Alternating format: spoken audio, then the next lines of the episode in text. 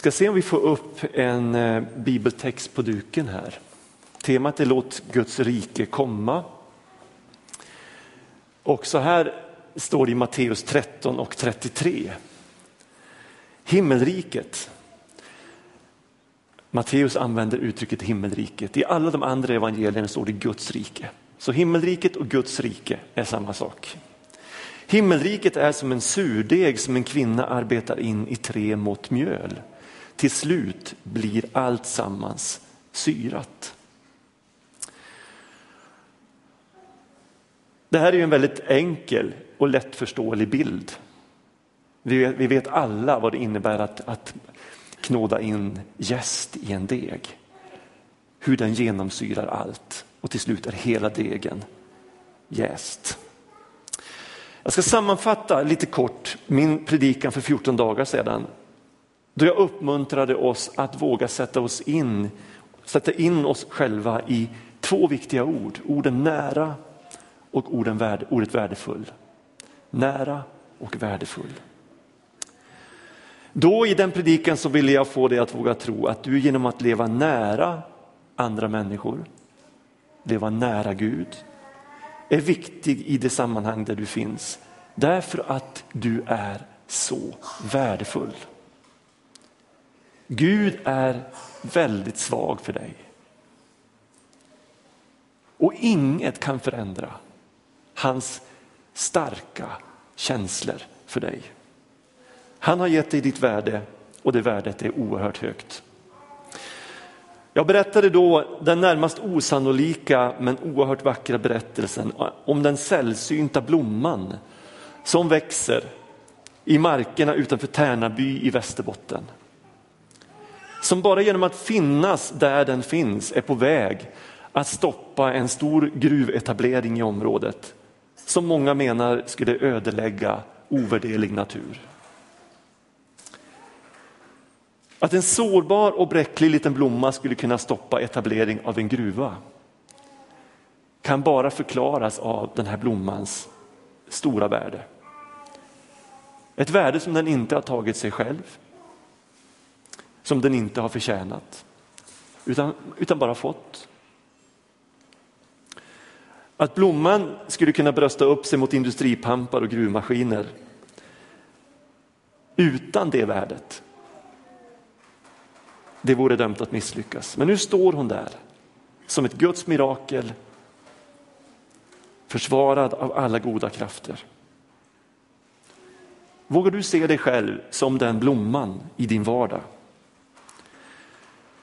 En av mina favoritförfattare, Henry Nouwen, han säger, ja människan är mycket liten och mycket stor. Människan är mycket liten och mycket stor. Och det är spänningen däremellan som håller oss andligt vakna.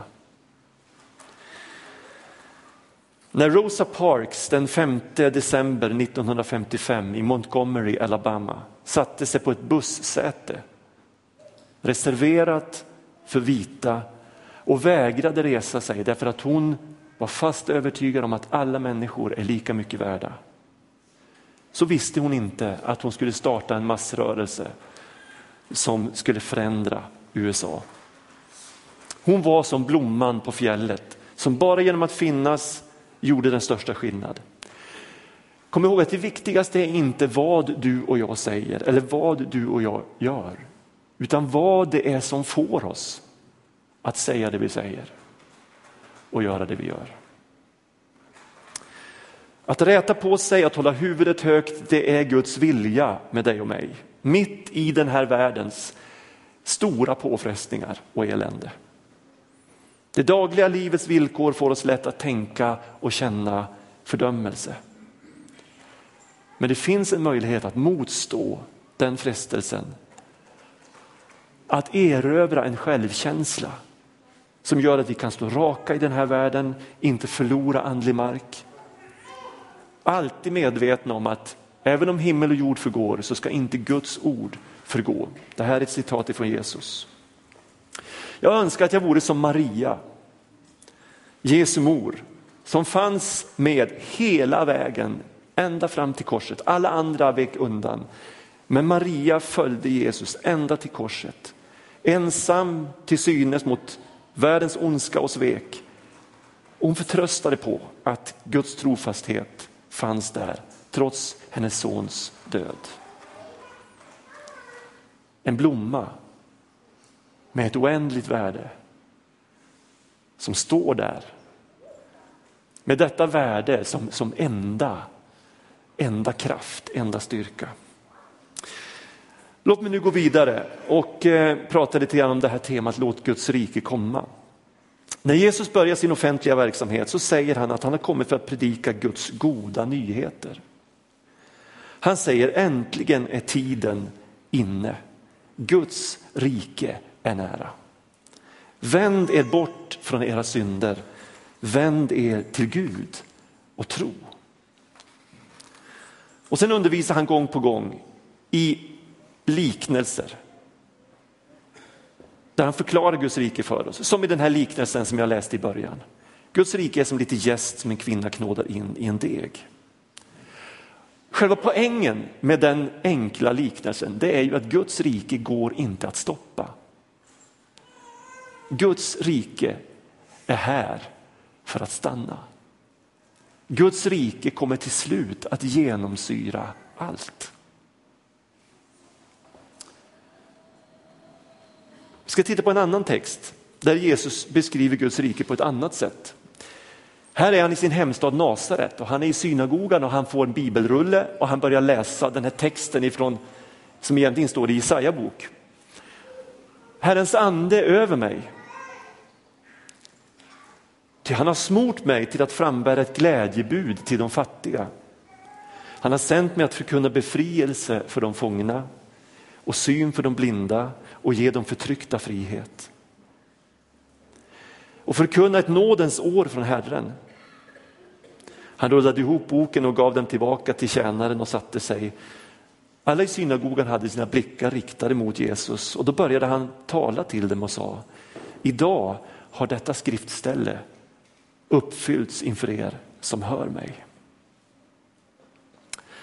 I den här texten så lyfter Jesus fram, eller Jesaja fram, det som vi avskyr allra mest fattigdom, bundenhet, slaveri, blindhet, förtryck. Och Jag tror att vi kan tänka på de här orden både i yttre bemärkelse, vi ser det väldigt, väldigt tydligt idag.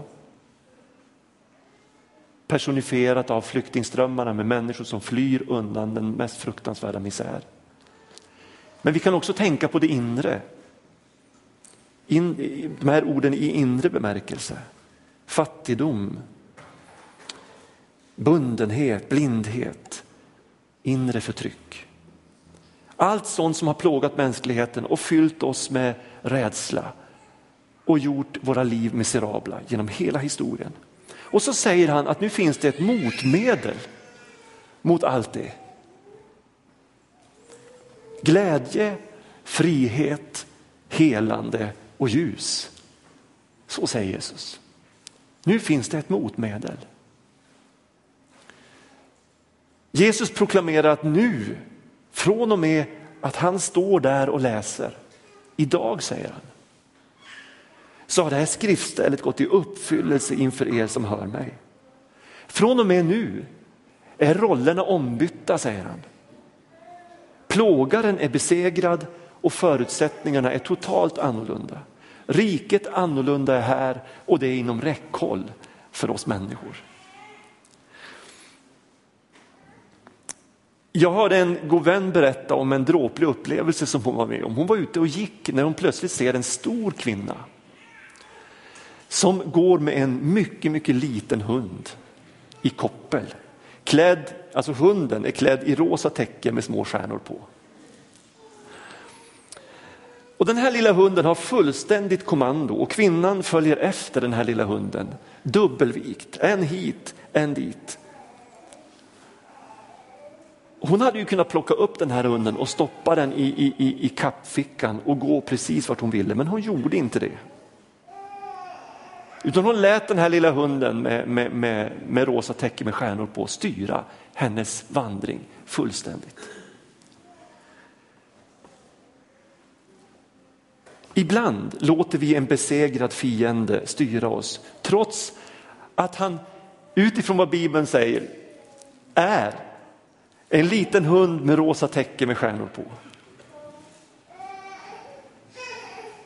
För Bibeln säger nämligen att i Jesus så är den onde besegrad. Han har inte längre herraväldet. Och du behöver inte gå dubbelvikt i hans koppel. Utan du har faktiskt möjligheten att gå den väg som är den rätta. När du vill, från och med nu. Idag säger Jesus, har det här skriftstället uppfyllts inför er. Eller ta bilden av övergångsstället. Den minsta fotgängare kan få den väldigaste långtradare att stanna bara genom att ta ett steg ut i gatan. Så. För lagen säger att när den lille fotgängaren tar ett steg ut i gatan så måste långtradaren stanna. Och det är möjligt att det kostade några små fotgängare både hälsa och liv när den här lagen var ny. Men idag vet alla i Sverige att kliver man ut i gatan så stannar trafiken. Och Jag tycker den här bilden säger lite om vad Jesus har åstadkommit genom sitt liv på jorden, genom sin död på korset, genom sin uppståndelse. Han har gjort om hela lagsystemet. Så att nu är det andra förutsättningar som gäller. Och trots att du är en bräcklig liten blomma som står där bara med värdet som styrka så har du rättigheten att kliva ut och säga stopp. Nu är det jag som går här. Den auktoriteten har du fått i Jesus Kristus mot det onda och destruktiva i den här världen. Därför när Jesus lär oss att be så lyfter han fram det allra väsentligaste. Han säger så här, så här ska ni be när ni ber. Låt ditt namn bli helgat Gud. Låt ditt rike komma. Låt din vilja ske. På jorden som den sker i himlen. Och jag tänker mig, jag mediterar lite grann över den här bönen som Jesus lärde oss att det är för de här sista veckorna. Så tänkte jag, vad är Guds rike? Ja, det är som att, att allt i den här bönen hör ihop med varandra. Vad är Guds rike? Ja, Guds rike är ju där Guds namn blir helgat. Guds rike är där Guds vilja sker. Guds rike är där vi förlåter varandra och blir förlåtna. Guds rike är där vi inte längre saknar det viktigaste utan där vi har det vi behöver för den här dagen. Guds rike är där vi räknar med att det onda är besegrat och vi kan gå till Gud och få hjälp och kraft att stå emot det onda. Och du skulle kunna ta vilket uttryck som helst i den här bönen och säga, vad är Guds vilja? Ja, det är där Guds namn blir helgat, det är där hans rike kommer, det är där vi förlåter varandra och så vidare. Bönen förklarar sig själv. Och så, så lär Jesus oss att be på det här sättet. Han lär oss alltså att be att någonting ska förändras, att någonting ska komma till oss, att något konkret ska hända. Att vi ska låta något hända med oss. Egentligen att vi ska låta det få genomslag som redan har skett. Jag säger det igen. Vad Jesus lär oss att be är att vi ska låta det få genomslag som redan har skett. Låt mig ta dopet som ett exempel. Det här är en dopassäng. Ni hörde att våra vänner som nu har flyttat hem till, till Gud, som har dött, de döptes. Någon på 40-talet och någon på 50-talet. Jag var 12 år när jag döptes. Jag gick till mamma och sa att nu har jag bestämt mig, jag tror på Jesus, jag vill följa Jesus och så lät jag döpa mig i en sån här dopassäng. Jesus uppmanar oss att döpas. Du skulle kunna sitta på kanten till den här dopgraven och grubbla över hur du ska förstå vad dopet innebär. Men det är först när du kliver ner i tro, låter döpa dig, som det händer. Låt ditt rike komma. Låt din vilja ske. Det var så han lärde oss att be. Det handlar, du handlar i tro på de goda nyheterna och plötsligt genomsyras också ditt hjärta av Guds rike. Det är inget mystiskt med vattnet, det här är vanligt H2O med lite klor i. Så det är inget mystiskt med vattnet.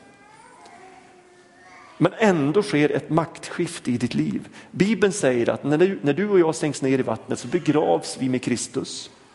Vi dör bort från synden och när vi lyfts upp igen så uppstår vi med Kristus. Den som låter döpa sig i tro är alltså inte densamme när han går ner i dopgraven som när han går upp. Det gamla är förbi, någonting nytt har kommit. Jag tar emot det som redan har skett. Jag låter det ske med mig. Låt ditt namn bli helgat, låt ditt rike komma, låt din vilja ske i mitt liv.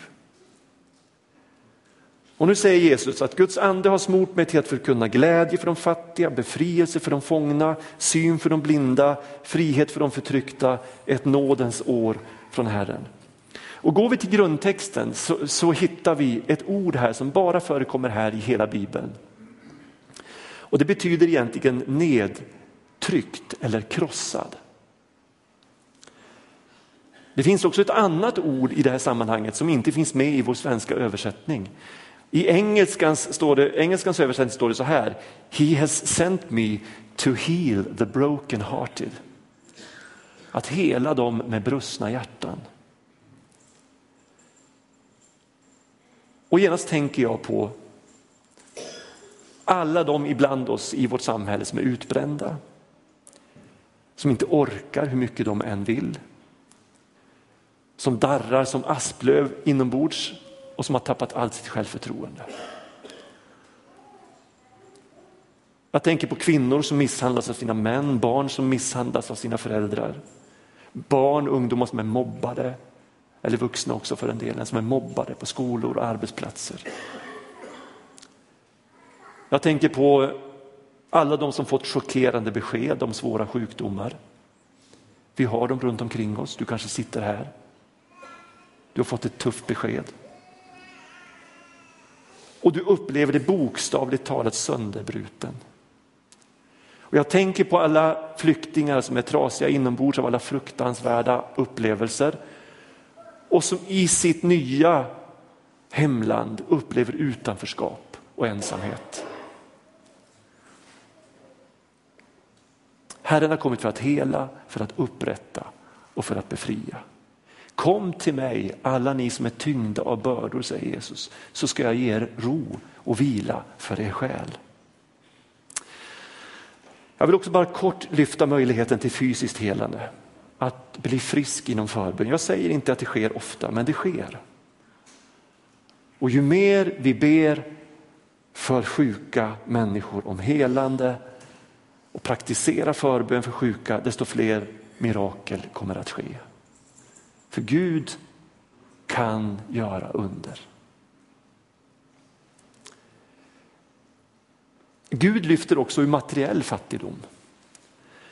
Och missförstå mig inte nu, utan lyssna på vad jag säger. Om du skulle göra en resa runt jorden så skulle du märka att där de här goda nyheterna får fäste, där lyfts hela samhällen ur fattigdom och misär. Där växer skolor fram. Där byggs sjukhus, dispensärer. Där förbättras jordbruk och industri. Där flödar kreativitet, människokärlek, socialt engagemang.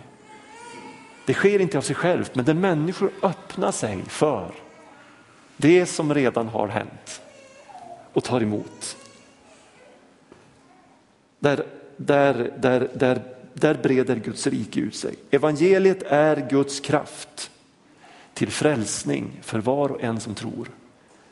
Så, stå, så säger evangelisten Paulus, eller missionären Paulus.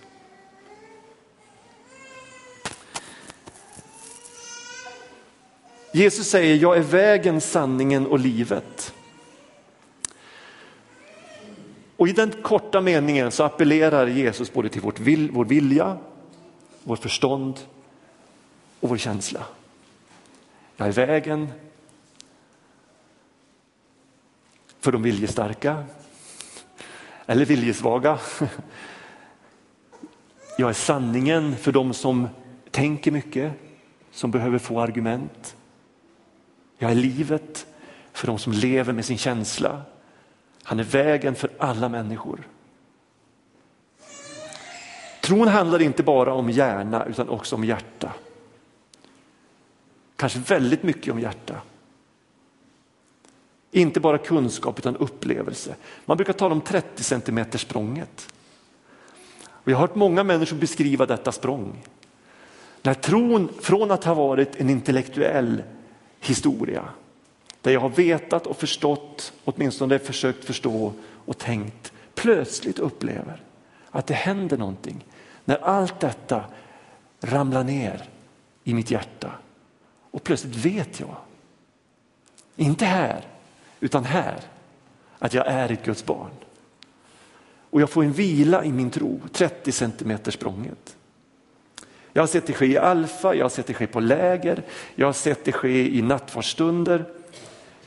Det sker i människors vardag, människor som står i sitt kök och diskar när det plötsligt händer och man förstår, det handlar ju om mig. Det var för mig Jesus dog. Allt det som fullbordades där på korset, det var för mig. Och så låter man det ske som redan har hänt. Guds rike flyttar in också i mitt hjärta.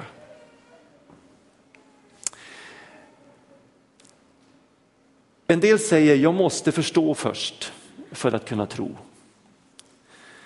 Men det är ungefär som att säga att äta, det handlar om att lära sig så mycket som möjligt om näringsämnen och fibrer och matsmältning. Kan jag bara det så blir jag mätt. Men det blir du inte.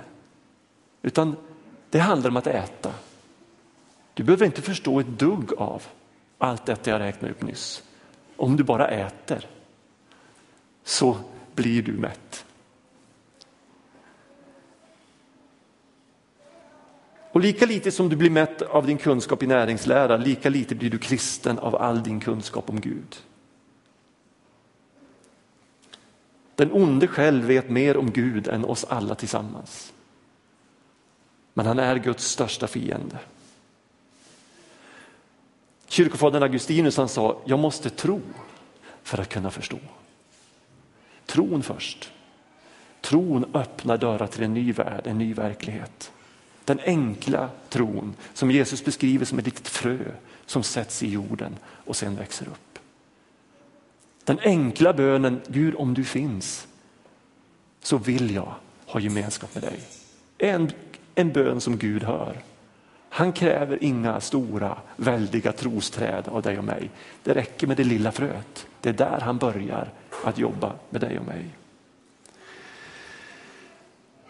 Precis som du blir mätt av att äta maten blir du kristen genom att äta av brödet från himlen och dricka av det levande vattnet. Smaka och se att Gud är god, skriver en av psalmisterna. Får jag sluta med en liten anekdot som just kyrkofadern Augustinus som levde på 300-talet berättade. Han kommer gående längs havsstranden och så ser han en liten pojke sitta på huk och ösa vatten med en snäcka. Han får ett stort leende från den här pojken och eh, Augustinus börjar prata med honom och förstår att pojkens mål är att tömma hela havet. Augustinus försöker förklara för pojken att det omöjligen går att tömma havet på dess vatten. Men det hindrar inte pojken från att envist fortsätta. Men ser du inte hur stort och ofantligt havet är jämfört med snäckan som du håller i din hand? Och hur länge tror du att du kan sitta här och ösa, säger Augustinus och titta lite förebrående på pojken. Och då blir pojken arg och börjar gråta, men han fortsätter att ösa. Det är inte någon liten snäcka precis. Och jag kan sitta här hur länge jag vill, svarar gossen och blöter ner Augustinus sandaler. Ja, ja, fortsätt att ösa du, säger Augustinus och klappa pojken tröstande på huvudet. Om jag tänker närmare efter så är du nog faktiskt en av de skickligaste jag har sett på att tömma hav. Pojken ler mot den gamle igen och så fortsätter han att ösa och Augustinus går vidare.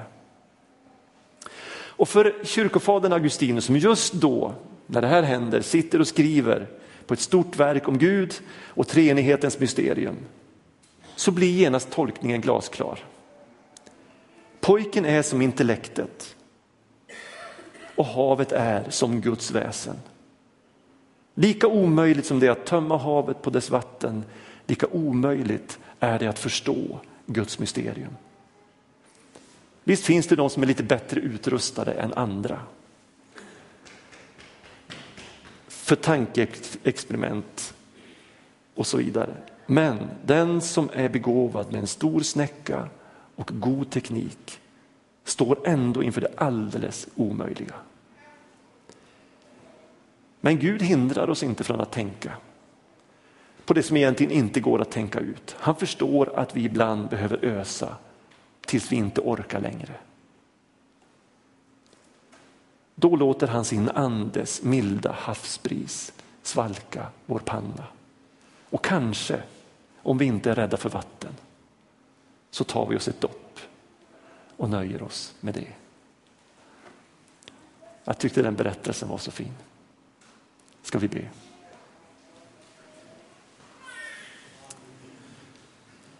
Gud, jag vill bara tacka dig för det som du redan har gjort. Det som redan har skett. Det du lär oss att be om ska hända i våra liv, i våra sammanhang här på jorden. Och därför ber jag än en gång, låt ditt namn bli helgat. Låt ditt rike komma. Låt din vilja ske. Här i mitt liv. Och jag önskar att det skulle ske i allas våra liv. I Jesu namn. Amen.